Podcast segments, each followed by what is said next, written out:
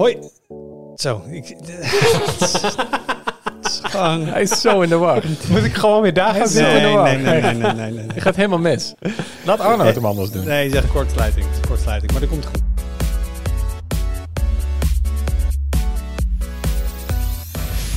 Hoi, leuk dat je luistert. Welkom bij een nieuwe aflevering van de Tweakers Podcast. Mijn naam is Wout en ik zit vandaag aan tafel met Thijs Hofmans Hey, hallo. en met Arnaud Wokken. Hoi. En we gaan het hebben over eh, de val van het kabinet, want dit is eh, omgedoopt tot een politieke podcast. Nee, dat niet. maar ehm, ook wij zagen natuurlijk voorbij komen en dan denk je heel snel, groot nieuws. Dan denk je, oh, nou, wij zijn techsite, dat niet. Maar er zijn altijd haakjes te vinden. Hebben wij op de, op de journalistiekopleiding geleerd, hè, moest je altijd leren twisten. En dan kun je alles omzetten naar, wij moesten dat dan doen voor jongeren uit Brabant. Moest je al het nieuws gaan ombouwen naar, wat betekent dit voor jongeren uit Brabant? Nou, dat doen we nu met tweakers. Wat En- betekent dit voor En wat tweakers? betekent dit voor tweakers? Want kabinet Rutte 4 had natuurlijk allemaal mooie beloftes over dingen die ze gingen doen op het vlak van privacy, digitalisering, alle dingen waar we wel over schrijven. En Thijs is eh, even snel eh, nou ja, de, de feiten ingedoken om te kijken van wat is daar dan in die korte periode van gekomen en wat hebben ze wel en niet kunnen, kunnen bereiken. Dus daar gaan we zo meteen op in. En wat hij vond zal je verbazen. En wat hij vond zal je verbazen. Dit is een, eh, een, een clickbait podcast. Welkom. Ehm, dus daar gaan we het zo over hebben. Eventjes de post. Er was niet heel veel post. Er was heel veel discussie. Was er ook Ja. onder de, de reacties. Maar niet per se eh, toevoegingen ook of aanvullingen. Behalve een hele goede van ehm Beerkiller.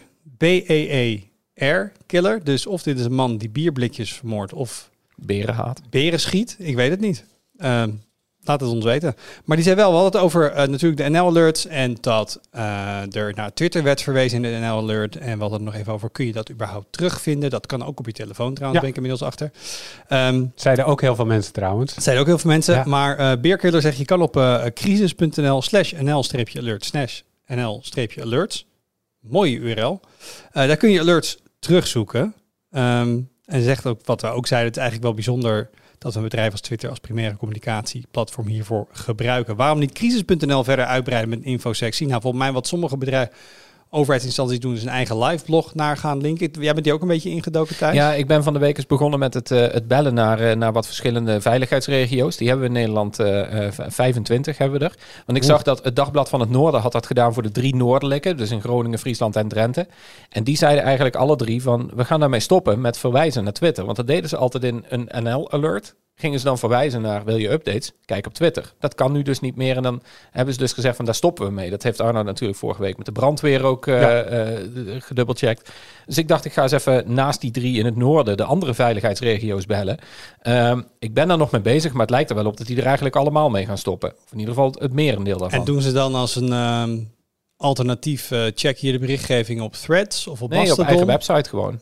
Hebben ze een live blog op de eigen website staan en dan zeggen Het ze, dat is ook klinkt- veel logischer. Het klinkt ook zo logisch. Ja. Ja, nou dat zou je denken, maar niet helemaal. Want ehm, een van de redenen waarom ze dus naar andere dingen verwijzen... is omdat als er echt een noodsituatie is... bijvoorbeeld een hele grote brand of een overstroming of zo... al die server racks, die staan natuurlijk op... Ja, ik weet niet of het, of het op het gemeentehuis van Amsterdam staat... maar als Amsterdam onder water staat...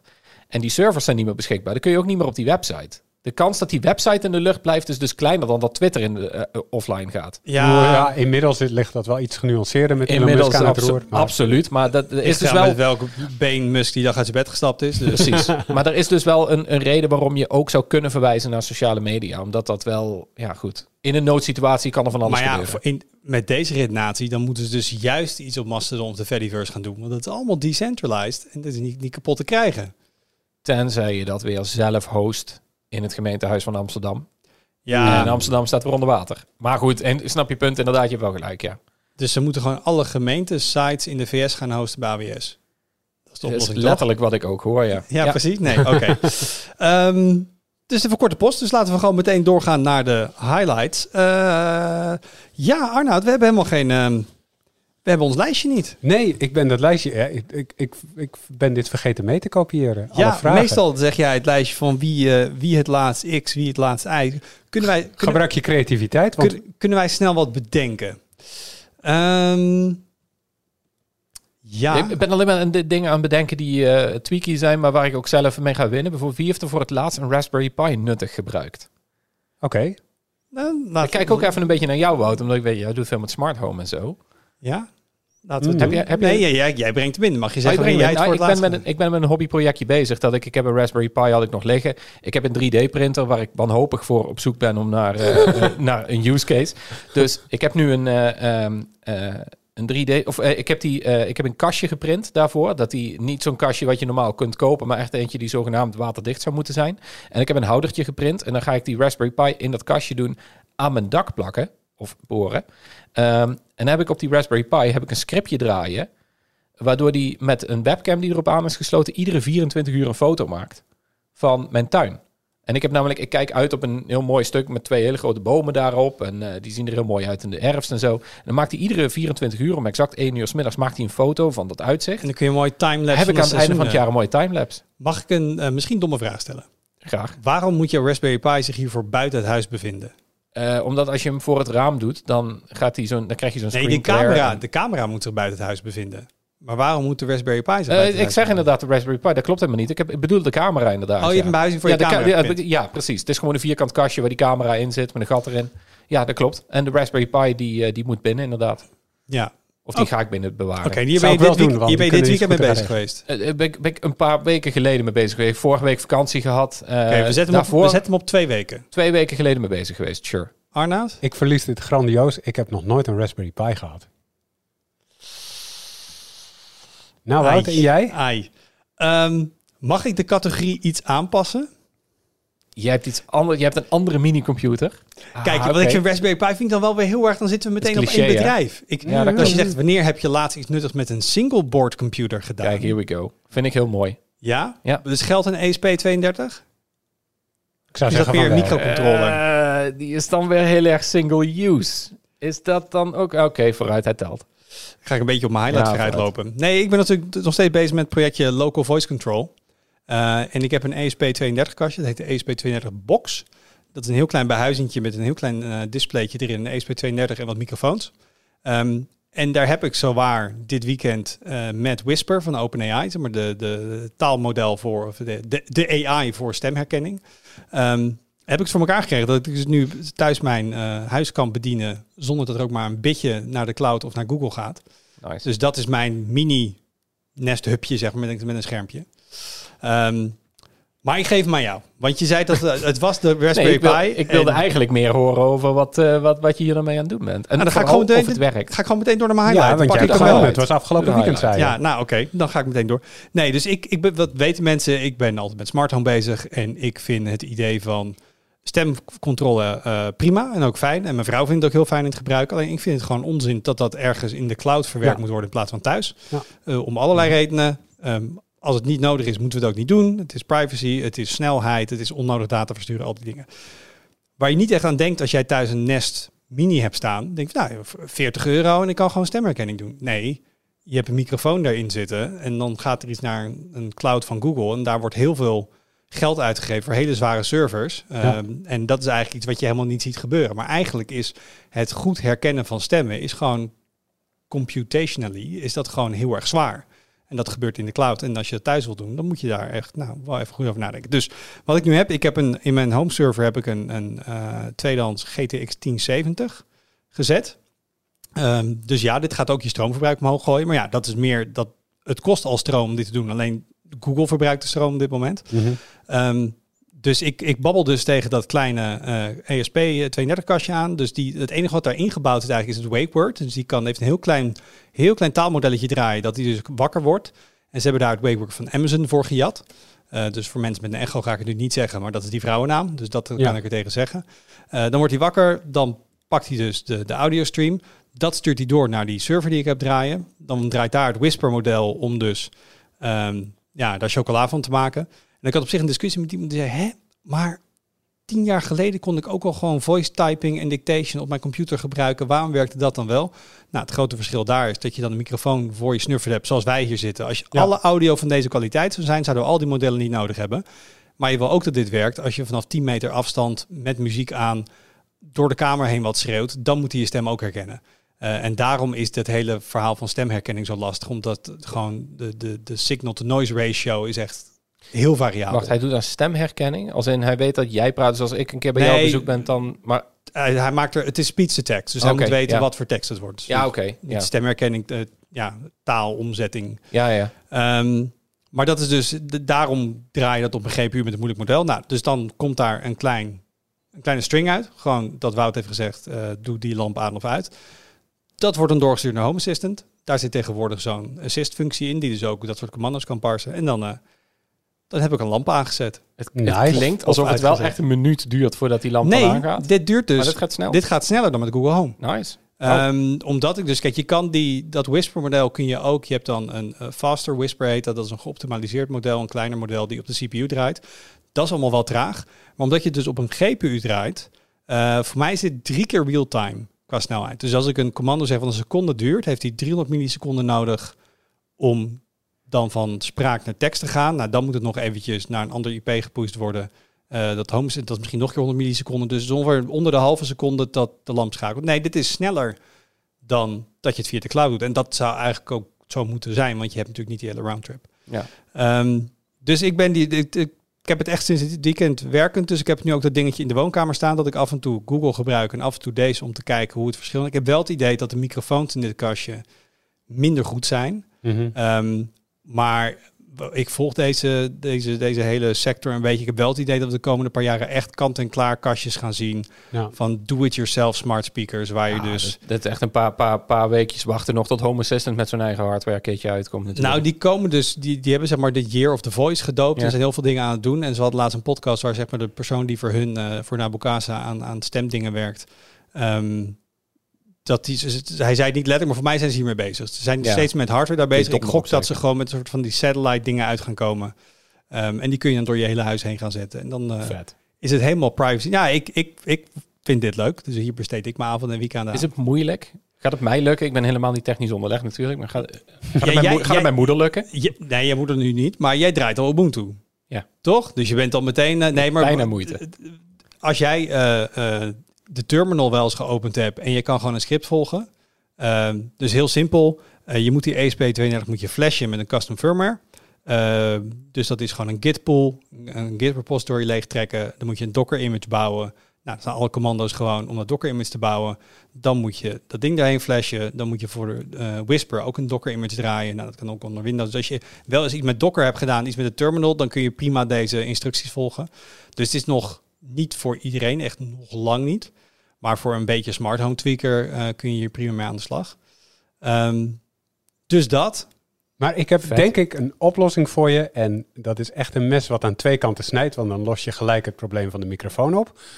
En, ehm, eh, en, en hopelijk kan je ook het wake word veranderen. Kan dat trouwens überhaupt? Kan je het wake word veranderen? Op dit moment nog niet, maar daar, gaan ze, daar komen ze wel mee. Stel je voor, je koopt ergens vandaan, bijvoorbeeld uit China, zo'n dingetje uit eh, Star Trek. Weet je wel, wat ze op hun borst hebben. Daar tik Mm. je dan op. Dat je dat kan activeren door erop te tikken. En dan computer zeggen en dan je commando ingeven. Hoe tof is dat? Stel het je even voor. Heel tof. Dan zou je zelfs geen Ja. computer moeten zeggen, want je tikt hem al aan, dus dan heb je geen wake word nodig. Dat is waar, maar dat hoort er een beetje bij. Het, het grappige is, ehm, dit ziet er lang niet zo tof uit, maar ze hebben ook nu bij Home Assistant, daar hebben ze de, de ontwikkeling op gedaan. Dat is een heel klein vierkant doosje, ook weer met een ESP32 en een microfoon. Maar daar zit een knopje op dat doosje. Eh, het idee is dus dat je er gewoon dat knopje induwt en dan tegen dat Ja. doosje kan praten. Dus alleen dat ziet er niet zo mooi uit als je hem op je borstkast plakt. Dus daar zou ze nog iets anders voor moeten doen. Met die Ehm, chip in mijn hand, daar zou je ook iets mee. Dat je die scant met NFC en dan... Zoiets, ja. nee, maar het- ik, een, een, een, hoe heet dat ding eigenlijk uit Star Trek? Het is niet de communicator, dat is dat ding wat ze vast hebben. Maar Ik ik, zou- het ook ik niet. zou dat wel willen hoor. Gewoon dat ik even zo twee tikjes op de borstkast Ja. en dat je... En dat leg je dan gewoon naast je voordeur of zo in een bakje. Dat je dat elke keer kan pakken op het moment dat je binnenkomt. En dat je dat dan... eh, want je Ja. gaat het natuurlijk naar buiten niet dragen. Natuurlijk wel. Wat is dit inderdaad? Hoe awesome. Niet met Nou, dan verbreekt de verbinding. Of, of, of hij houdt de verbinding en dan loop Dan- je op dan- andere plekken. dan- loop je, eh, De- Dan Bluetooth die gewoon naar je telefoon en heeft hij zo verbinding. ah ja, Nee, dat kan ook. dit, eh, dit is wel tof. Nee, ja, ik ben voor. Oké, Eh, maar nice. totdat we dat hebben, ga ik toch iets thuis doen. En dan kom ik weer even terug bij, bij mijn standaardstokpaardje. In principe moet je zo min mogelijk tegen je huis praten, want zoveel mogelijk moet automatisch gaan. Dat is natuurlijk het idee van echt smart. Maar af en toe ontkom je er niet aan. En dan heb je dus de keuze. Pak ik mijn telefoon erbij, open ik de app naar mijn dashboard en ga ik daar op een knopje klikken. Of zeg ik het met spraak. En dan Mhm. vind ik spraak de meest gebruikersvriendelijke optie om dit te doen. Ja. Ehm, dus ik kijk er heel erg naar uit. Ik denk niet dat dit de, de definitieve iteratie van dit systeem gaat zijn. Dus ik denk dat er nog veel betere combinaties van microfoons en hardware aan zitten komen, die ook niet al te duur hoeven te zijn. Uh, je kan nu ook al voor, voor de Raspberry Pi's en verschillende bedrijven die daar een soort uh, microphone arrays voor verkopen. Maar het is heel erg wilde westen op dit moment. Ik, ik heb nu iets wat werkt, vind ik leuk. Ik ga nu even achterover zitten. Ik ga nu andere mensen weer laten uitzoeken van oké, wat wordt het nou echt worden? En ik denk dat je dus richting eind dit jaar, misschien volgend jaar wel een hardware kitje kan kopen. Um, hopelijk gewoon voor een paar tientjes dat je in meerdere kamers zo'n ding kan neerzetten. Ja. We gaan het zien. Vet. Ja, Ja. heel leuk. Voor die paar tientjes per jaar, dat, dat heeft Amazon toen een tijdje geprobeerd. Door Amazon dan beschikbaar te maken voor al die kleine apparaten. Dan kun je gewoon stekkertjes kopen en dat soort dingen. Dot hadden ze volgens mij. Dat was ja, die Echo Dot ding. is nog een apparaat. En eh, ze hebben dat ook een tijdje geprobeerd, dat ze dat steeds kleiner probeerden te maken. En echt gewoon dat je een soort, als zo'n zo'n soort, eh, zo'n soort kinderlampje of zo, of een muggen, muggenlampje, dat steek je in stopcontact. En dan heb je gewoon in stopcontact heb je dan een, eh, een spraakassistent. Dus dat je dat Ja. overal in iedere hoek van het huis zou kunnen hebben. Heel goedkoop en heel, maar dan wel met Amazon. ik mag het niet zeggen, inderdaad. Ik heb het net gezegd, dus sorry daarvoor. Maar dat... eh, nee, je, ja. je babbelde er keurig omheen. Je hebt het naam niet Ja, gezegd. Niet? Nee, Oké, nee, ik dacht van wel. Ge- Gaat bij mij automatisch. Ehm, maar dat vond ik, ik... Ik vind het idee wel cool dat je dat gewoon heel goedkoop overal in je huis kan hebben. Dat is Nee, gewoon maar een leuk idee. enige En als wat- je het ook nog eens privacyvriendelijk kunt doen. Het Ja. enige wat je eigenlijk op die hardware zelf wil draaien is een wake word. Want anders ben je constant audio streams aan het sturen naar een centraal systeem die dus het wake word moet herkennen. Dus ik denk als ze dat zo kunnen optimaliseren dat dat op iets heel erg low powers draait, ja, dan heb je voor de rest gewoon een paar microfoontjes, klein speakertje voor een soort van geluidje dat hij je gehoord heeft. En, en dat is het dan ook. Het hoeft ook helemaal niet veel te zijn, want je verwerking zit ergens anders. Ja. Ehm, maar ik had eigenlijk een, ik had een hele rits aan highlights, maar dit was te groot. Dan heb ik nog een paar mededelingen misschien meer. Heel goed. Eh, dus dit, ik heb een, ik had er gewoon, ik heb een highlight reel. Ehm, dus dit waren de, dit was de, stories in deze podcast. ja, ja, ja, dit was Low Voice Control. Dan En- swipen we nu naar de volgende. Ja. Voor me- mensen die dit leuk vinden eh, en dit volgen ook. Ik heb ook mijn eerste Matter-apparaat gekocht. Eh, heb er laatst een heel verhaal over geschreven en een hele ehm, eh, video over gemaakt. Er, ik kon nu gewoon op Amazon, kon je, wat ook het nieuwsberichtje van Akara. Die maakt al die goedkope, zo'n bedrijf dat een beetje geleerd is aan Xiaomi. Die maakt heel veel goedkope sensoren, vroeger met Zigbee. Eh, dus die heeft nu gewoon een hele simpele raam deursensor met eh, thread. Dus die ga ik vanavond ga ik daar lekker mee zitten pielen. Eh, ik, heb die, ik heb mijn hele huis daarmee volhangen met die, uh, Akara dingen inderdaad. Ja. en dit is dan een van de eerste. Ik heb heel veel dingen van Matter gezien die gewoon via wifi werken. Via hubs ook vaak. En dit is dan echt over thread. Dus dit is helemaal Ja. native. Ja. Ehm, dan nog twee mededelingen. Maar dat is meer gewoon des, mededelingen tweakers. De Dev Summit komt er weer aan. Op 12 september. Voor wie, voor wie daar nog niet heen is geweest. Dat is, een, ehm, dat is vooral leuk als je IT'er bent. Ook leuk voor ons. Wij lopen er ook rond. Maar Ja. wij zijn geen IT'ers. Maar het is een evenement van tweakers. Ehm, maar dat is een dag vol met verschillende talks, keynotes. eh, op allerlei gebieden. Allerlei tracks. Op privacy, security. Maar ook programmeren, AI. Weet ik het wat allemaal. Ehm, en de early bird tickets die zijn nu in de verkoop. Dus als je even naar tweakers gaat. Naar searchbar eh Dev Summit intikt. Dan krijg je een heel mooi eh, overzicht te zien. Dus als dat iets is waar je eerder bent geweest en weer naar terug wil. Of je denkt, hé, hey, ik ben er nooit geweest, maar het lijkt me wel leuk. Zoek dat vooral eventjes op. Ehm, en het stemmen voor de Tweakers Awards is begonnen. En dat was mijn laatste punt dan. Dus, ehm, nou ja, als je een tweaker bent. Ik heb nog nooit een tweaker zonder mening ontmoet. dus, Nou, ja, jij wel? Ehm, de, eh, ik, ik heb wel eens in die uitslagen zitten kijken. En er zijn toch behoorlijk wat tweakers zonder mening over Oh, bepaalde dat, nee, dingen. dat is technisch helemaal waar. Dus er zijn wat obscuurdere categorieën waar mensen denken, ja, ik, ehm, ik kan er niet goed genoeg iets van vinden. Dus ik geef geen mening. Dus dat is heel goed. Goeie houding. Eh, dat is Ja. zeker een goede houding. Maar er zijn altijd wel wat dingen waar je zelf dingen in koopt of producten in gebruikt. En waar je toch echt wel een, eh, een voorkeur in hebt. Dus eh, check dat ook vooral. En we zouden het leuk vinden als je stemt. Want hoe meer communityleden stemmen, hoe meer ja, waarde de uitslag heeft, om het zo maar te zeggen. Eh, en hoe breder dat gedragen is. Ik vraag me wel af hoe jij dat ziet. Want dit is wel een, een, een vraag die bij mij leeft over de, over de awards. Want je kan dus stemmen op elke categorie. Maar niemand heeft iets met alle categorieën. Of heeft producten geprobeerd in elke categorie of wat dan ook. Ja. En, en waar ligt de grens van... Oké, nu, is het, nu is het goed om erop te stemmen. Nu weet ik echt maar voldoende om een, een goede stem uit te brengen. Nou ja, we hebben, goede vraag. Ten eerste, we, in het verleden stemden we altijd op producten. En dat maakt dit nog veel makkelijker. Want wat is de kans dat je specifiek... Je hebt vaak één product in een categorie. Je hebt een smartphone. En dan Ja. gaan mensen, ja, die vind ik leuk. Is het dan ook de beste of is dat gewoon degene die je hebt? En kun je dan op een ander model stemmen als je dat ding nooit gebruikt hebt, puur op basis van wat je erover leest? Ehm, dus dat was altijd een beetje lastig. Dus daarom zijn we een aantal jaar geleden geswitcht naar merken. Dus Mhm. fabrikanten eigenlijk gewoon. Eh, en dan zeggen mensen soms, ja, maar daarom is het een soort populariteitsverkiezing geworden. 100 procent. Daar was dat, het ook al. Dat, dat Ja. klopt ook namelijk. Ja. Ehm, en jij hoeft niet per se ehm, iets zelf te bezitten om te weten als je als tweaker het nieuws goed volgt en reviews leest. Nou, dan kun je best wel een beeld vormen over, nou, als ik echt het beste zou willen hebben, dan koop ik iets van deze fabrikant. Want ik weet gewoon uit alles wat ik daarvan weet dat die hele goede dingen maakt. Ehm, en dat maakt dit makkelijker om ook af en toe een uitstapje te maken naar een categorie waar je zelf misschien het laatste jaar niks in gekocht hebt of niet heel erg actief in bent. Eh, kijk, ik weet gewoon netwerkapparatuur dat Ubiquity heel goed spul maakt, wat heel populair is. Ik ken heel veel mensen die thuis bangen. Ik heb het niet. Zeg ik niet dat je daar nu op Ubiquity moet gaan stemmen, maar als ik in netwerk zou gaan stemmen, dan zou het een, wel eentje zijn die meteen bij mij opkomt. Van ja, dat is een van de grootste spelers hier en ik hoor daar heel veel goede dingen over. Ja. Ehm, dus voor jezelf, ja, weet je, mensen moeten zelf een beetje afwegen. Eh, ik ga daar geen lat voor of, of drempel voor mensen opleggen. Maar ik denk wel met die huidige manier hoe we het doen, dat je veel makkelijker ehm, een stem kan uitbrengen en die ook enigszins kan onderbouwen, zonder dat je dan specifiek product X, Y of Z van die fabrikant gebruikt hoeft te hebben. Ja. Ja, ik zat er, want ik, ik was aan het stemmen. En toen dacht ik, ja, bij sommige categorieën, het is dat het multiple choice is, anders zou ik er niet één kunnen oplepelen. En bij sommige categorieën heb ik gewoon daadwerkelijk niks geprobeerd van, van, van de merken die erin staan. Dus toen dacht ik ook, ja, moet ik nou geen mening aantikken? Of moet ik gewoon een soort van voorkeur op basis van wat ik weet? En nou ja, daar zat ik, Ja, maar dat, ik laatste, best mee te en dat laatste vind ik ook helemaal fair. Hè? Ik bedoel, dat, dat zeggen we ook. Het is, een, ehm, het is geen vakjury award. Het is een, een, popula- Ja. een publieksprijs en ook een, een- deels een populariteitsprijs. Eh, dus er zijn ook categorieën eh, waar ik eh, persoonlijk ook geen ervaring mee heb. Maar ja, wij volgen wel het nieuws allemaal. Ik Ja. praat wel met collega's die dat wel hebben. Ja. Ehm, weet je, ik heb de laatste vijf jaar geen nieuwe tv gekocht. Maar ik zou prima een stem kunnen uitbrengen in de categorie televisies. Want ik weet Ja. wel precies wat er gebeurd is, wat mensen hebben uitgebracht en of die producten goed zijn of niet. Ja, inderdaad. Ja. Dus, tweakers.net slash awards. Voor de mensen die eh, inderdaad willen kijken in welke categorie ze wel of niet hun mening willen uitdragen.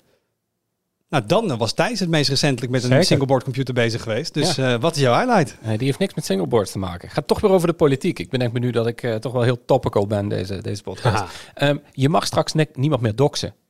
Dat, eh, Dat, dat, dat, dat dat mocht sowieso niet, toch? In de zin van puur, Eh, niet wettelijk, maar... het is een beetje, ja, is niet oké. nou, dat, dat vooral, ja. Vooral ethisch mocht het niet. Maar eh, ja, ik moet er dus mee stoppen, helaas. Dus eh, de Eerste Kamer is... ik kan misschien voorstellen dat er mensen luisteren en niet dat weten de wat doxing, is. Ja. Misschien kennen. moeten we dat even voorop stellen. Doxing betekent eigenlijk dat je iemands persoonsgegevens of contactgegevens online zet voor een grote groep mensen. En dan zegt van, nou, hier woont Arnoud Wokke. Ga maar, ga maar pesten. Ga maar eieren tegen Dat hoeft niet eens zo specifiek. Het kan ook gewoon goed zijn van dat daar is natuurlijk, daar zijn die, die, die radicale boerenacties heel goed. En om te zeggen van nou, eh, die minister die woont daar. Nou, doe daarmee wat je wil. Gooi je helemaal foldertje in niet- de bus. Ja. Precies, helemaal niet expliciet oproepen om daar iets mee te gaan doen. Eh, dus daar zit een heel groot grijs gebied aan. Maar de, Ja. de Eerste Kamer is nu akkoord gegaan met een, eh, een verbod daarop, met een wetsvoorstel dat dat verbiedt. Dus jij mag andermans woonadres, privéinformatie, Eh, mag niet meer online Ik zetten? weet niet wat er precies onder eh, wordt. eh, het is in ieder geval, eh, hoe hadden ze het nou beschreven?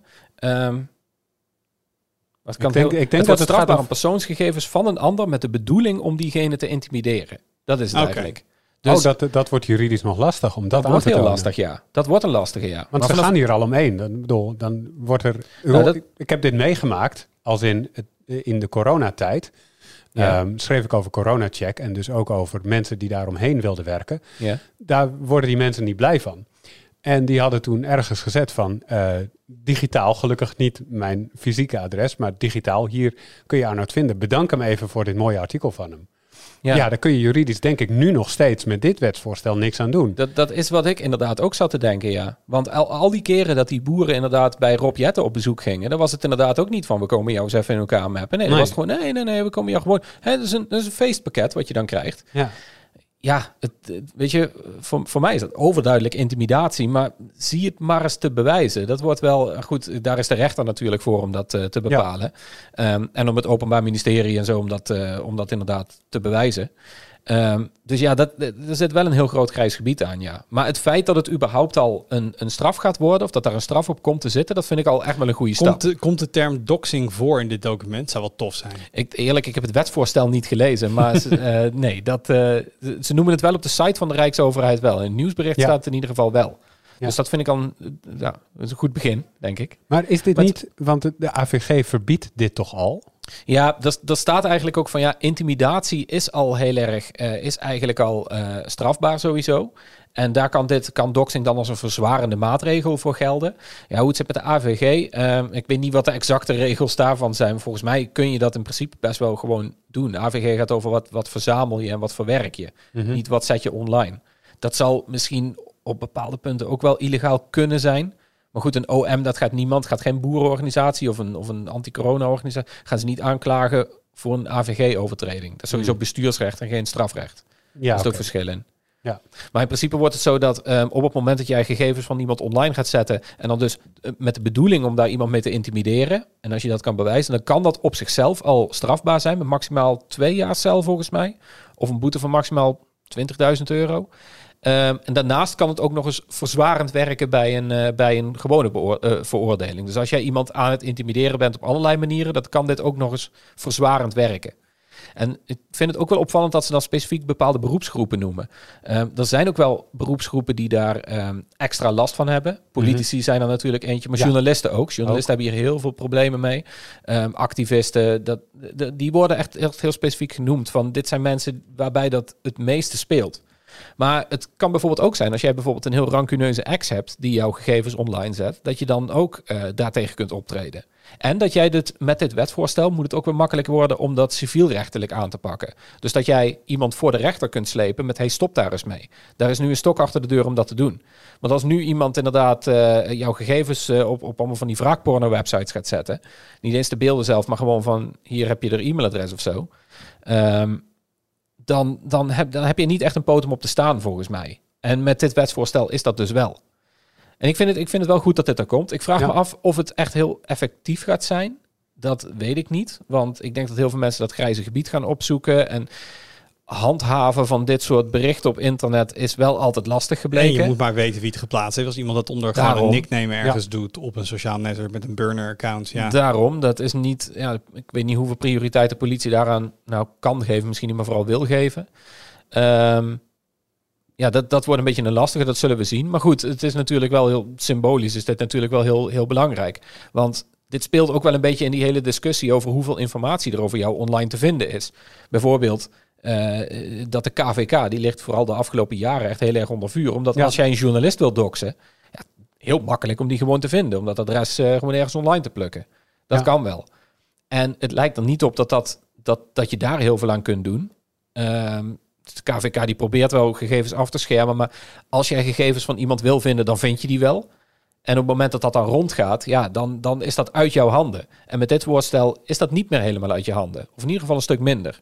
Dus ik denk, nou, ik denk dat dit wel een goede, goede zaak is. Nou, jammer Dus- dan. Moet stoppen. Net Ja, als jij. helaas. Ja, dan gaat mijn Twitter eh alt-account. Ja. Stoppen met shitposten, ja. Eh, mag het wel op Mastodon? Eh, Nice. Daar mag alles, uiteraard.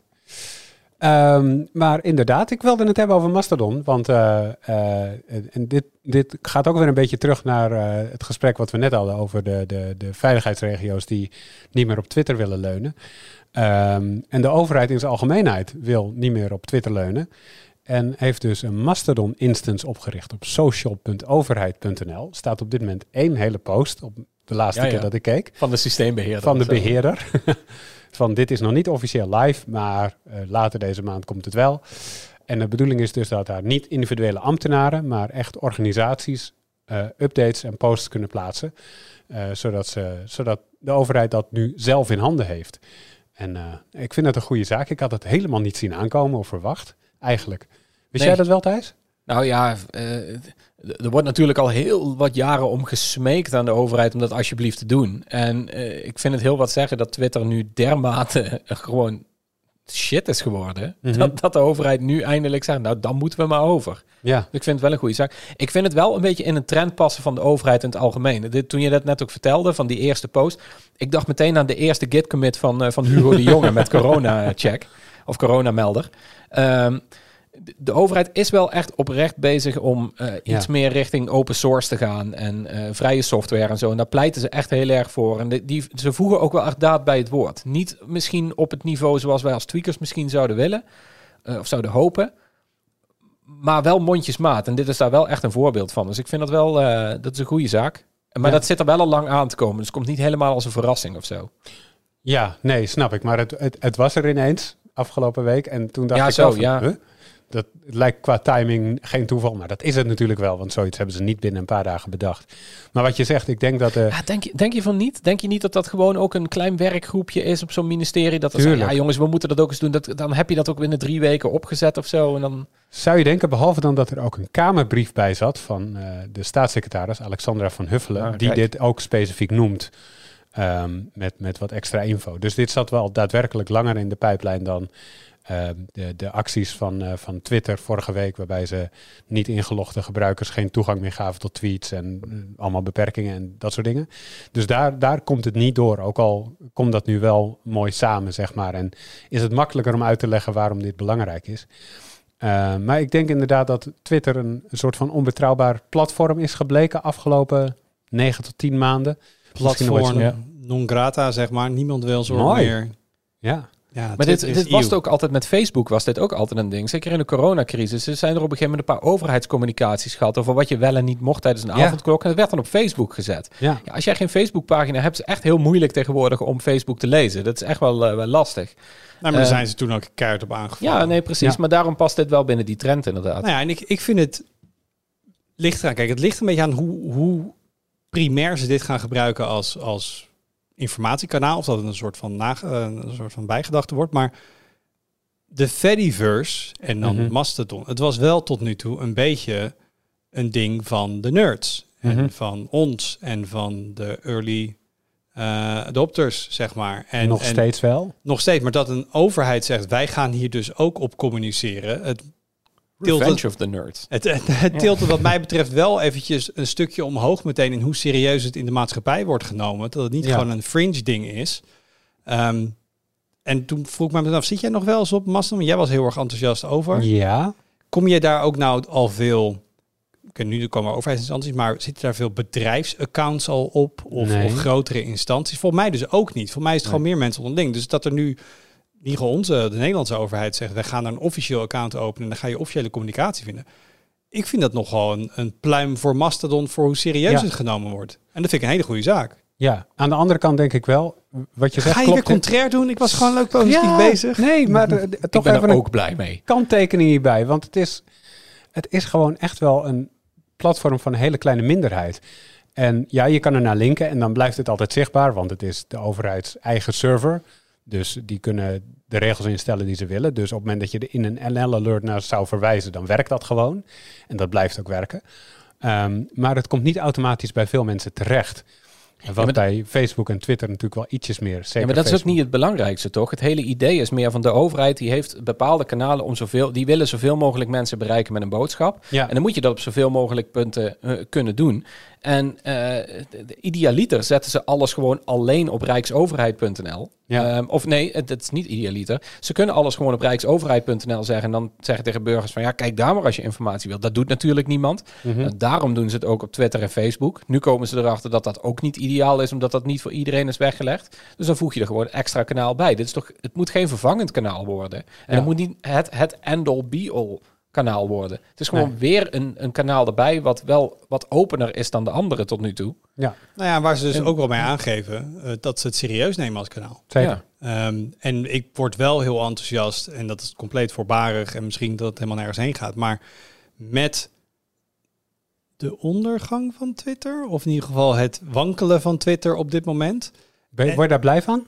Eh, nou, ik, ik, ik denk dat er mensen al twee, drie jaar bezig zijn achter de schermen en een kleine groep mensen met Fediverse. Ja. Ehm, en dat is een hele kleine hardcore groep die zegt van dit gaat het worden, maar daar bleef het ook bij. Mhm. En zeker nu, hè, ik heb nog nooit zo. Ik zat vorige week donderdag eh, in de podcast eh, De Dag van de NOS.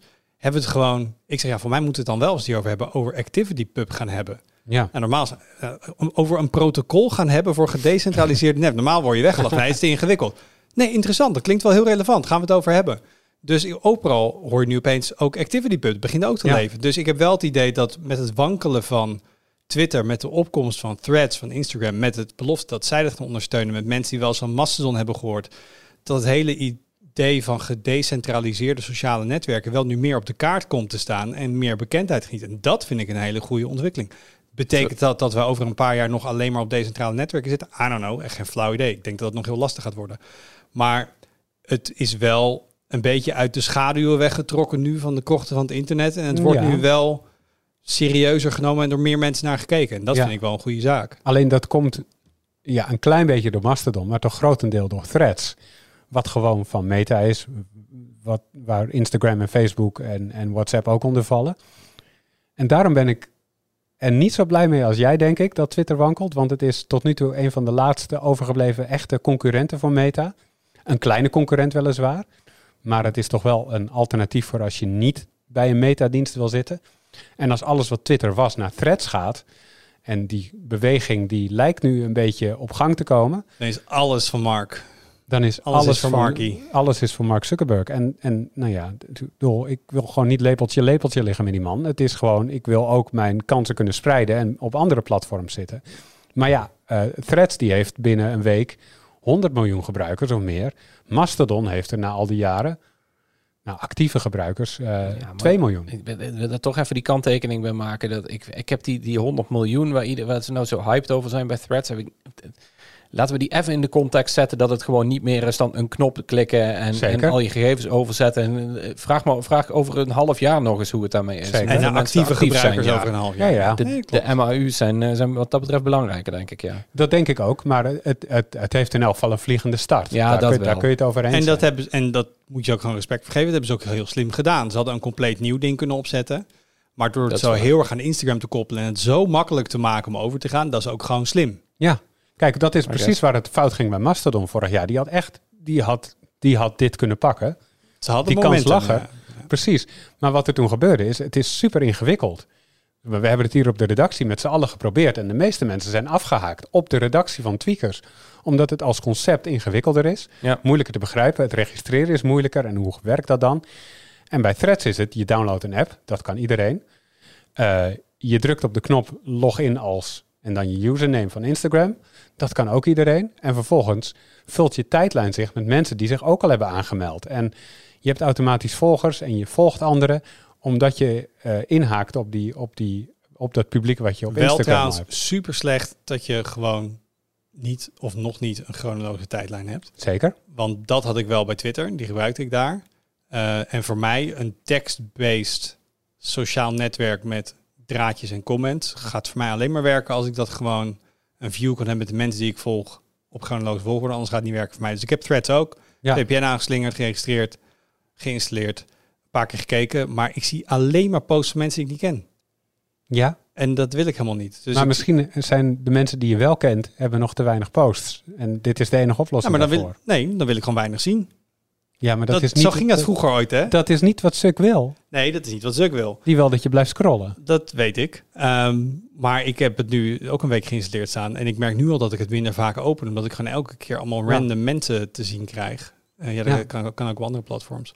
Eh, dus nee, maar ik snap wat je bedoelt. hoor. Voor, vanuit de concurrentiepositie. eh, het is niet gezond dat Facebook dan en Facebook heeft. En Instagram heeft. En WhatsApp heeft. En Threads heeft. Als iedereen daar dan gaat Ja. zitten.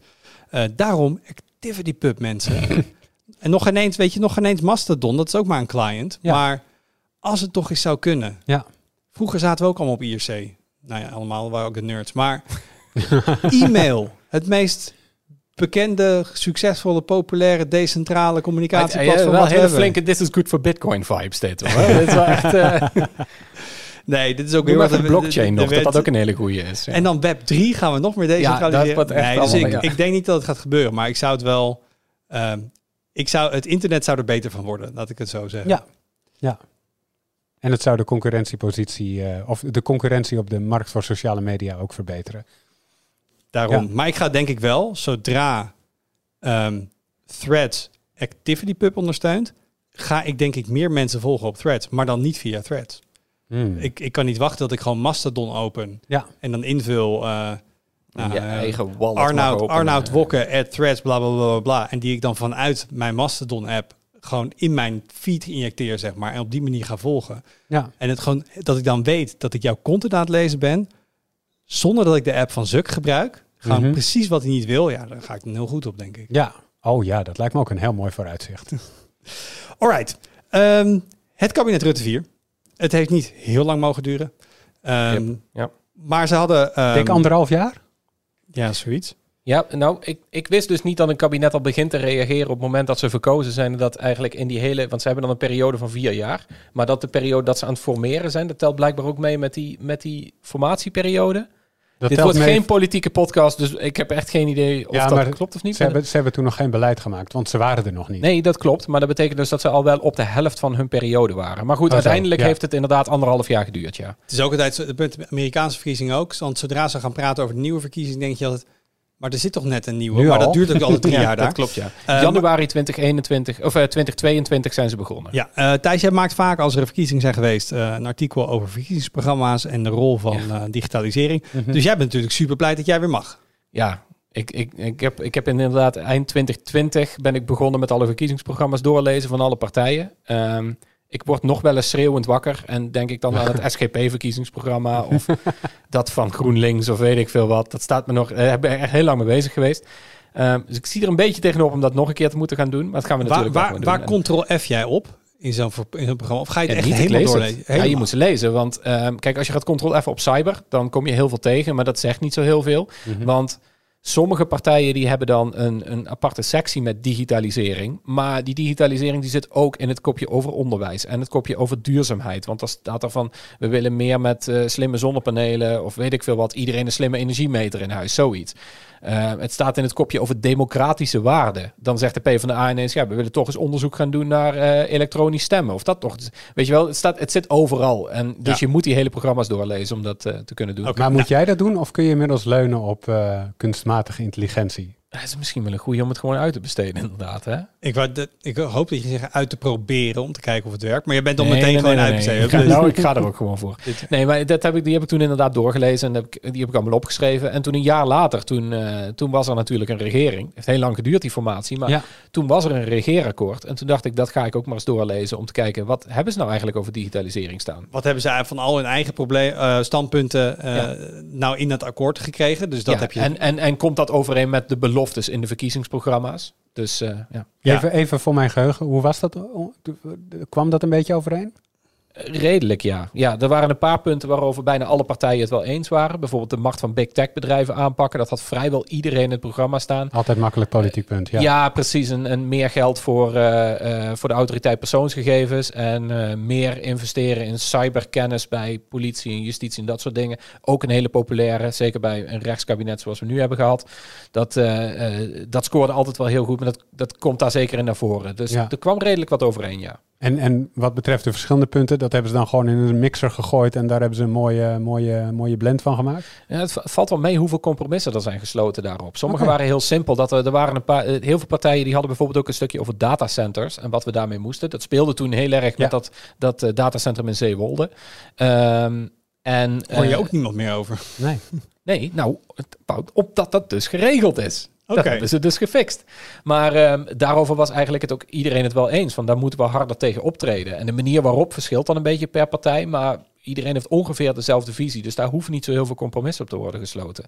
Dus dat viel Dat eigenlijk. is ik ook wel fijn dat gewoon partijen over de hele linie over bepaalde dingen eens kunnen worden. Als het over digitalisering gaat, best wel, best wel ja.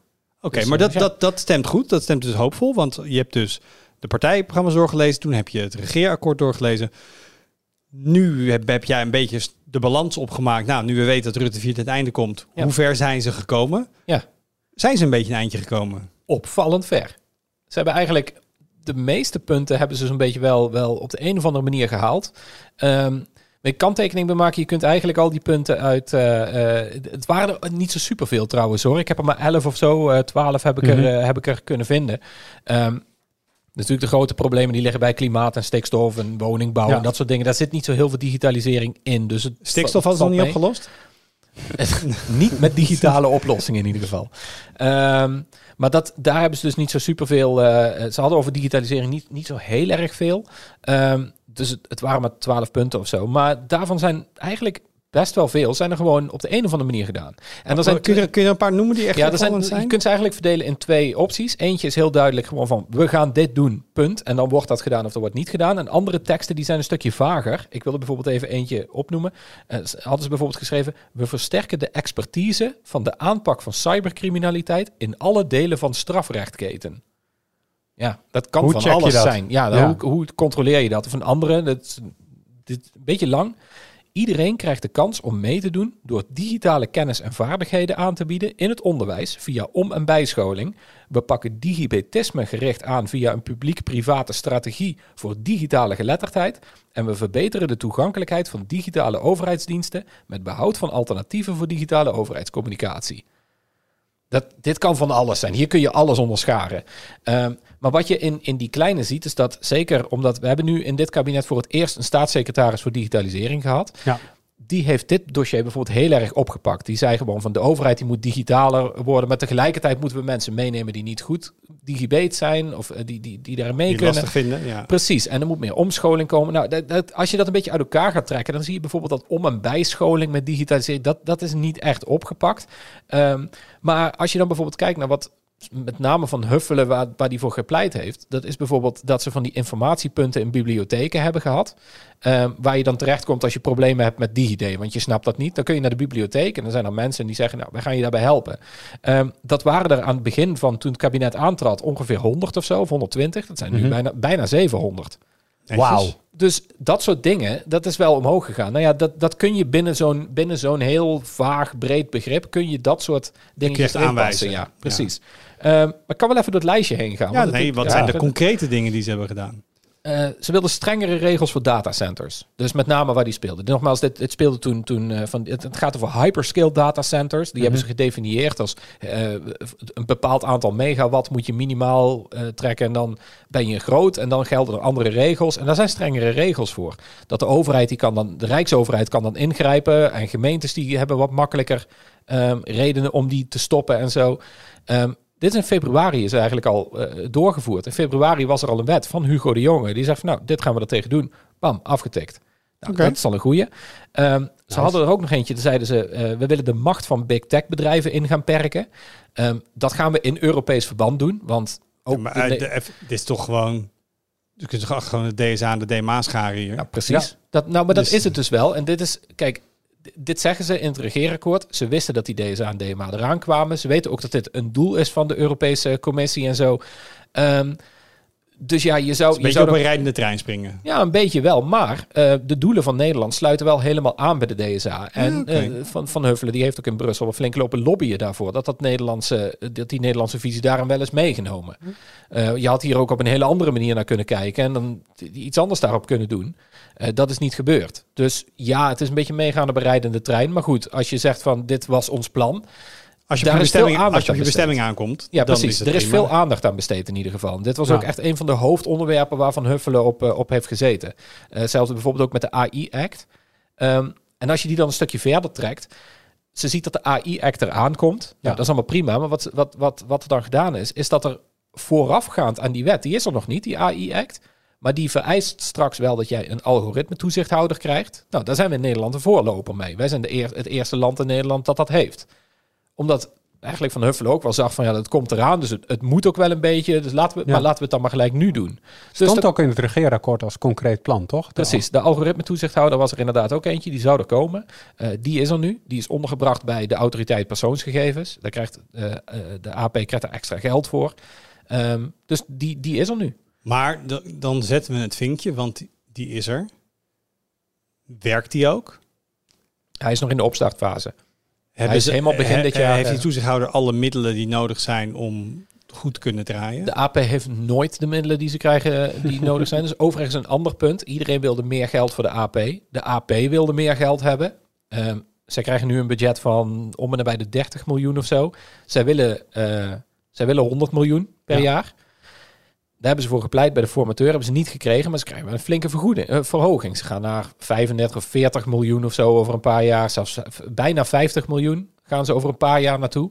Ehm, dat is wel tot 2027 of zo. Dus het kan nog in volgende kabinetten weer wat minder worden. Maar Inflatiecorrectie is het Ja. ook een beetje. eh, dat is, speelt inderdaad ook wel mee. Maar goed, ze krijgen wat meer geld. Dus dat, dat is ook wel deels ingelost. Ehm, en, en ja, of die de middelen krijgt die ze nodig hebben, dat is een beetje de vraag. Daar kunnen we een hele nieuwe podcast aan wijden of de algoritme toezichthouder maar we effectief gingen, we gingen het lijstje af. Hij, Oké, is, dus er. hij, is er. En, en, en is daarmee bezig. Nou, die, ik vind dat hij dat die wel gehaald is.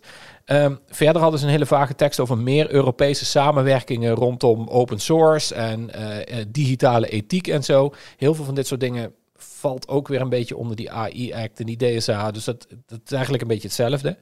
Ehm, een beetje een lastiger om te duiden is dat ze dus meer aandacht wilden, wat ik net voorlas, bij politie, justitie, het Openbaar Ministerie, Defensie, ehm, ook bij de rechtspraak, om meer kennis over de cyber te Ja. krijgen. Die laat zich heel moeilijk, eh, moeilijk meten. Ik heb wat programma's gevonden bij Defensie die zich echt, Mhm. echt heel specifiek inzetten op cyberwarfare en dat soort dingen. Dus een nieuw opleidingstraject begonnen. Ehm, maar verder is dit ook wel een beetje dat ja, de politie die krijgt gewoon een bepaald budget binnen een jaar. En daarvan wordt nu gezegd van nou, je krijgt een paar miljoen meer. En dat moet je dan uitgeven aan ja, meer cyber. Maar om te, kijken, om te weten of dat nou echt precies waar dat aan besteed is, is heel moeilijk om uit te vinden. Dus het, het wordt wel gezegd van je krijgt wat meer geld. Maar de overheid zelf heeft daar niet zo heel veel aan gedaan, volgens mij. Dus die vind ik deels gehaald. Oké. Ehm, Ik mis nog de echte missers, de, de faals. De echte missers ehm, is meer mogelijkheden om data uit te wisselen tussen opsporingsorganisaties en andere instanties. Dat eh, er moet om zware criminaliteit aan te pakken, wilde dat de overheid het mogelijk werd om eh, dat, dat gegevens makkelijker konden worden uitgewisseld. Ja.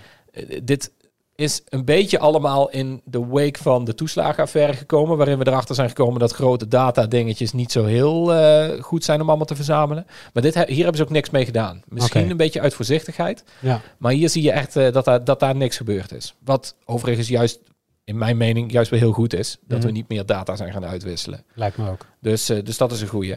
Ehm, extra geld voor de AP komt er minder dan verwacht. Ja, er is over de inlichtingendienst. Dat vond ik een beetje een vreemde. Ze zeiden namelijk dat de inlichtingendiensten... dat het makkelijker moet worden om dan eh, operaties te gaan uitvoeren... Tegen, tegen landen met een offensief cyberprogramma. Dat Hmm. zeiden ze, dat willen we. Heeft dat, bijna niet elk groot land tegenwoordig een offensief nou, dat is in, cyberprogramma. in de praktijk. Heeft Nederland ook gewoon. Ehm, maar de AIVD en MIVD die hebben dat wel gekregen. Alleen dat speelde al. Dat is door het demissionaire kabinet van Rutte 3 is dat al ingezet. Oké. Rutte 4 was gewoon een voortzetting. Dus hier hebben ze ook niet echt heel veel meer mee gedaan dan, eh, dan dat. Ehm, dat zijn eigenlijk de grootste, de grootste missers. Op eentje na natuurlijk, het rekeningrijden. En Hmm. zelfs dat kun je nog van zeggen van dat is er wel doorgevoerd. Want dat is ongeveer twee weken geleden. Daar hebben we het nog in de podcast over gehad. Is dat, is dat doorgevoerd? Dat ze zeiden van we willen gaan rekening rijden. Plannen komen nog verder. Ja, toen viel het kabinet. Ehm, dus het is nu de vraag wat daarmee gaat gebeuren. Waarschijnlijk niks. Dat, maar dat is simpelweg dan niet op tijd gegaan.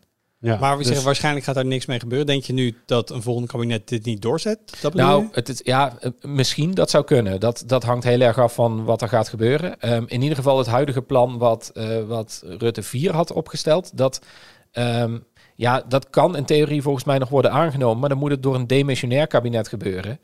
En dit onderwerp is zo controversieel dat dat waarschijnlijk ook wel door de Tweede Kamer tot controversieel wordt verklaard. Ja. En dat betekent dat het kabinet daar nu in deze komende periode, de half jaar tot de verkiezingen en in de formatie daarna, dat die daar waarschijnlijk niks mee gaan doen. Nee, maar eh, eh, Van de Plas 1 kan het wel weer gewoon oppakken. Dat zou in theorie kunnen, inderdaad. Zo, ja. daar zat even een aanname onder. Denk, ja, noem er eens eentje. Omtzigt 1 of eh Timmer Frans, Timmerman, noem maar Timmer op. Frans 1, inderdaad. Eh, eh, eh, moet je mij ook niet laten duiden dit. Maar ja, dat zou in theorie kunnen. Ja, dat klopt. Maar Ja. voor mij hebben we dit niet eerder gedaan rondom het eind of het val van een kabinet. dit, de balans opgemaakt. Maar wat, wat zegt jouw gevoel? Jij volgt deze dossiers. Jij bent wel positief. Ik ben in ieder geval over deze ben ik positief inderdaad. Ja. Ik, had, ik had er nog een paar waar ik heel snel doorheen kan. Maar ze zeiden dat ze het eh, Nationaal Cybersecurity Centrum en het Digital Trust Center en ehm CSIRT, nog een paar organisaties die, die bedrijven en overheden adviseren over cybersecurity, die willen ze samenvoegen voor meer slagkracht. Dat is gewoon gebeurd. Ehm, extra geld voor de AP komt er. Het moet makkelijker worden om zorggegevens uit te wisselen. Dat is vorige week ook een wet van aangenomen. Of eh, die is 1 juli is die van kracht gegaan. Ehm, dat is een wet en die standaardiseert alle eh, gezondheidsgegevens in Nederland. Dat is gewoon doorgevoerd. Ja, die, die diabetismepunten, die zijn doorgevoerd. Ehm, dus het zijn echt best wel eigenlijk heel veel soort van doorgevoerd wat, eh, wat voor plannen er waren, ja. Als je nagaat Dat ze eigenlijk pas net over de helft waren. Ja, precies ja. Ik, vond dat, ik had eigenlijk gedacht van nou, dat zal die ongeveer de tweede helft zijn. In ieder geval dat van Huffelen, die had achterover kunnen zitten, ja. ja. En je hebt natuurlijk nog wel een paar van die andere punten, zoals, eh, zoals dat smartphoneverbod in de klas en dat soort dingen wat er tussendoor is gekomen. Ehm, ja, die, die, die zijn er ook nog een paar bijgekomen.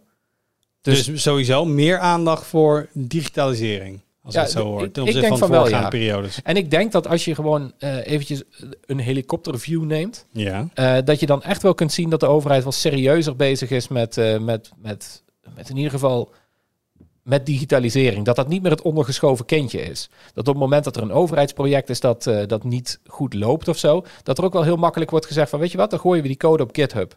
Want dat kan nu gewoon. Mhm. Nou, ik moet ook zeggen, Wat het- dan? toen we rondom ehm, corona dus voor het eerst op zo'n manier dat de overheid een app ging ontwikkelen met Ja. externe experts op GitHub, open source. Ik dacht, wa- wa- wat is dit? Dat voelde echt als, Was nog het vorige kabinet trouwens, hè? ja, ook, ook, een, ook een Rutte, Mhm. ander getalletje. Maar dat voelde echt als zo'n frisse wind. Ja. Eh, van wow, de En- overheid die op zo'n manier die niet stropig is en niet een aanbesteding van vier jaar, weet ik wat. Het kon ook niet, want er zat gewoon druk op de ketel. En, en dat, ehm, dat hebben ze toen later ook gezegd. Hebben ze gezegd van deze aanpak die we nu hebben, met dat open source en met experts erbij vragen en in alle openheid te doen, dit gaan we vaker doen. Is dat Eh, gebeurd eigenlijk? dat- nou ja, wat mij betreft wel dus. Want laatst heb ik nog een stuk geschreven over een, eh, een gefaald overheidsproject. Dat is zo oud als de weg naar Rome. Overheid en ICT-projecten, dat gaat nog steeds mis. De omgevingswet is ook nog steeds een drama. In Rome ging dat ook altijd mis met ICT-projecten. Ja, precies. Ja, de bekende digitalisering van de, de bibliotheek van Alexandrië ging ook, eh, ging ook mis. Oh, als dat toch was gelukt. Ja. Ehm nou ben ik kwijt wat ik wilde zeggen. Nee, was Oh, ja, laatst ja, ja. nog iets zei Ik, je. het, een, eh, er was een eh, overheidsproject, dat was, eh, dat was gefaald. Ehm, en daarvan hebben ze dus gezegd van ja, die- oké, het is jammer, het is mislukt. Het heeft zoveel miljoen gekost, dat gebeurt. Maar die code gaat op GitHub. Dat zou drie jaar geleden, vond ik dat echt ondenkbaar zoiets. En dat ze nu de code van DigiD openbaar gaan maken, of in ieder geval een deel daarvan, dat dat gecontroleerd kan worden. Dat wordt een mooie. Eh, dat, dat, eh, ja, ik, ik zie wel echt een positieve trend daarin, ja. Mhm. En digitale dienstverlening vind ik er overigens ook eentje waar echt heel veel aandacht aan wordt besteed. En dat zie je bijvoorbeeld in die digitale wallet. Je, kunt heel veel discussies hebben of je dat moet willen, ja of nee. Maar het is in ieder geval waarvan Alexandra van Huffelen ook had gezegd van we gaan daar eh, aandacht aan besteden. Eh, dus digitale identiteit en, en zorg dat je digitaal makkelijker mee kunt komen. Digitaal kunt communiceren met de overheid. Dat zie je in zo'n wallet echt wel terug. En dat er echt voor op wordt gepusht van dat willen we. En nogmaals, of dat een goede zaak is of niet, dat, ja goed, dat laat ik even in het midden. Maar Nederland is daar wel echt een voorloper op op dat gebied. En dat zie je echt, ook in filosofie. Ik ben wel benieuwd Dus- als er dus nu allemaal snel eh, nieuwe partijprogramma's geschreven moeten worden. En we hebben al zoveel punten eh, af kunnen vinken. Wat, wat er dan qua hele concrete initiatieven, want natuurlijk gaat er staan. vraag.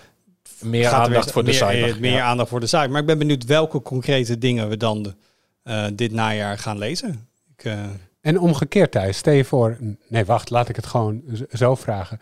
Ehm, als, eh, als partijen jou benaderen en zeggen... over welke thema's moeten we wat vinden in het verkiezingsprogramma? Want we moeten het razendsnel in elkaar zetten. Weet je wat thema's? Zeg je dan, ja, deze en deze? En welke zeg je dan?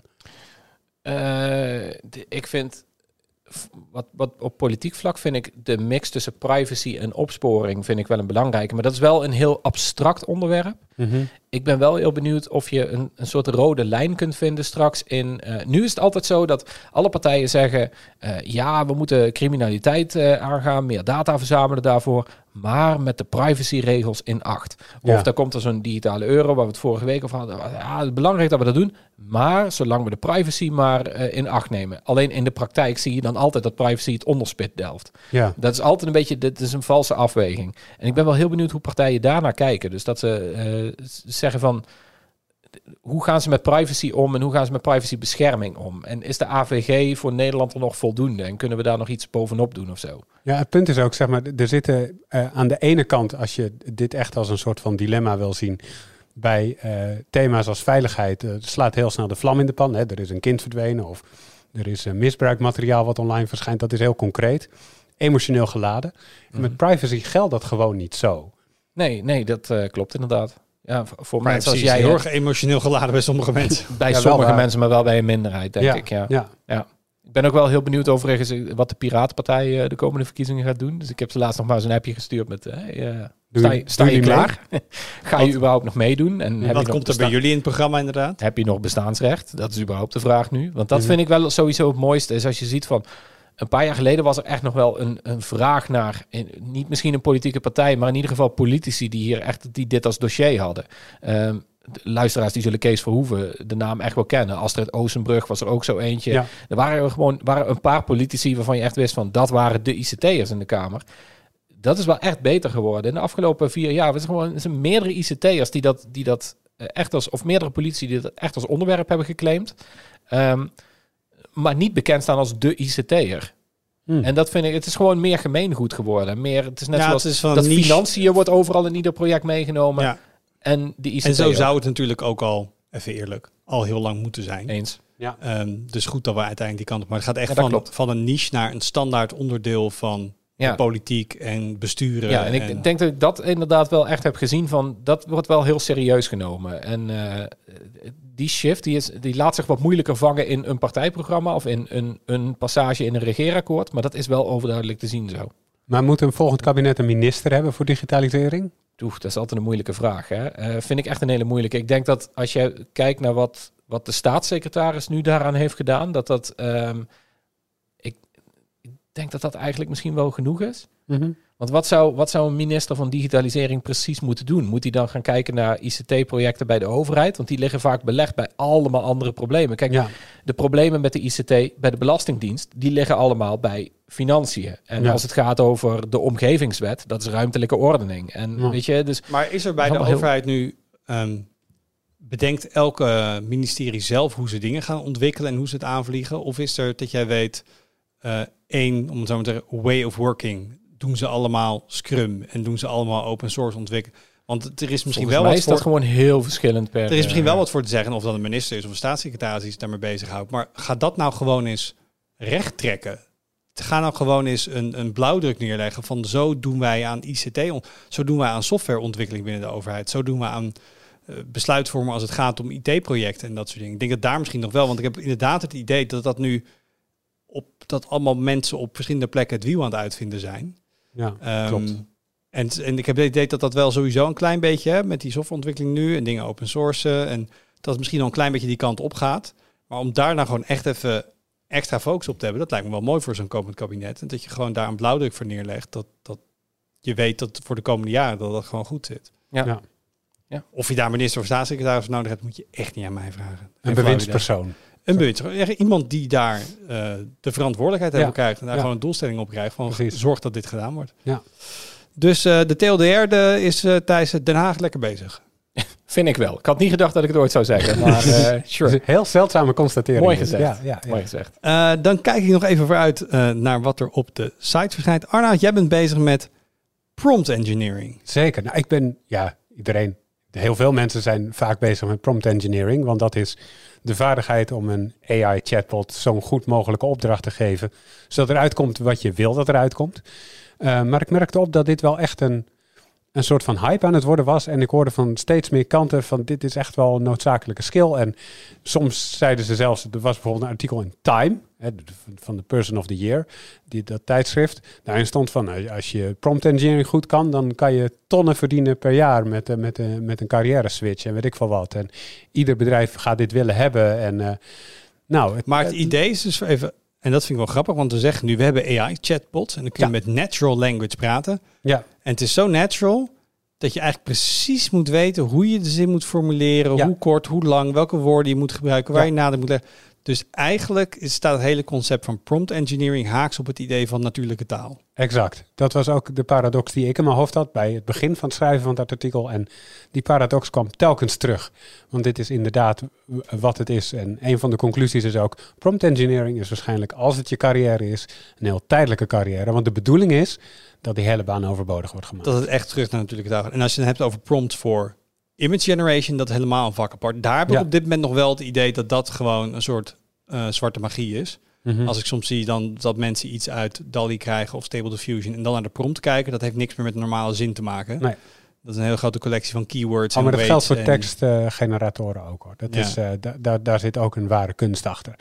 Maar eh, ja, ik, ik, ik vind dat heel boeiend. Ik- wat ik bijvoorbeeld ook niet wist, is dat onder GPT-3, ehm, als je een rekensom geeft, is me opgevallen, gaat vaak fout. Eh, maar je kan twee keer zeggen, zorg dat het antwoord correct is. Dus je zegt het ervoor en erna. En dat werkt vaak. En dan is het antwoord correct. Ik, dat dit werkt is gewoon bizar. Maar goed, Uh, dat soort dingen allemaal. Oké, verhaal voor prompt engineering. Vind je dat leuk? Ja. Dat, dat komt eraan. Eh er komt natuurlijk weer een terug in de tijd aan, waar we gaan kijken hoe de zaken er in het verleden voor stonden. Ehm, je hebt het misschien meegekregen als je wel eens op internet zit en op social media. Eh, Nothing heeft een nieuwe telefoon. Ja. Daar zijn wij ook druk mee bezig. En een nieuw dingetje. Eh, noem het een, eh, een pilot. Ehm, Een Mac Pilot? een MacPilot, dankjewel. Eh we zijn een samenwerking aangegaan met het tijdschrift MacPie. Dat is een tijdschrift over, nou, we maken het, de podcast even rond, de Raspberry Pi, waar eh, Thijs mee begon. kijk. En waar mensen allemaal projecten inzetten van hoe ze Raspberry Pi's inzetten voor leuke hobbyprojectjes. Ehm, en we gaan de komende week gaan we een paar van die artikelen gewoon op de site zetten. Dus dan hoef je het tijdschrift niet te kopen, maar die kun je bij ons lezen. Eh, als een soort, soort uitwisseling. Dus voor hun heel simpel is het dat nou, mensen bij Tweakers in aanraking komen met MacPie. En wij mogen dan bij hun in de, de, de grabbelton grabbelen van content die ze hebben liggen. En dan kijkt eh, collega Willem, die eh, leest ze dan door. En dan kijkt hij, wat zijn nou echt leuke DIY-projectjes? Eh, dus je gaat de komende paar weken een paar MacPie-artikelen bij ons zien. Eh, laat ook vooral weten wat je daarvan vindt. Ja. Eh, niet zozeer inhoudelijk, want wij hebben het dus niet zelf geschreven. Dat is voor ons ook nieuw. Het is echt een, een content-uitwisseling. Maar of je dat leuke dingen vindt, of je dat vaker moet doen. Eh, dus die ga je ook binnenkort. Er staat er gewoon heel duidelijk een blokje bij. Dus je gaat het niet over het hoofd zien als je het artikel leest dat het eh, niet van ons komt. Dus ook dat komt eraan. Helemaal En- goed. En dan rond Zin ik in. hier af. Dank jullie wel. Dank je wel voor het luisteren, voor het kijken. Heb je vragen, heb je post, opmerkingen, verbeteringen? Je weet het. Podcast.tweakers.net of een commentje op YouTube of op de website. En je hoort ons weer volgende week. Doei!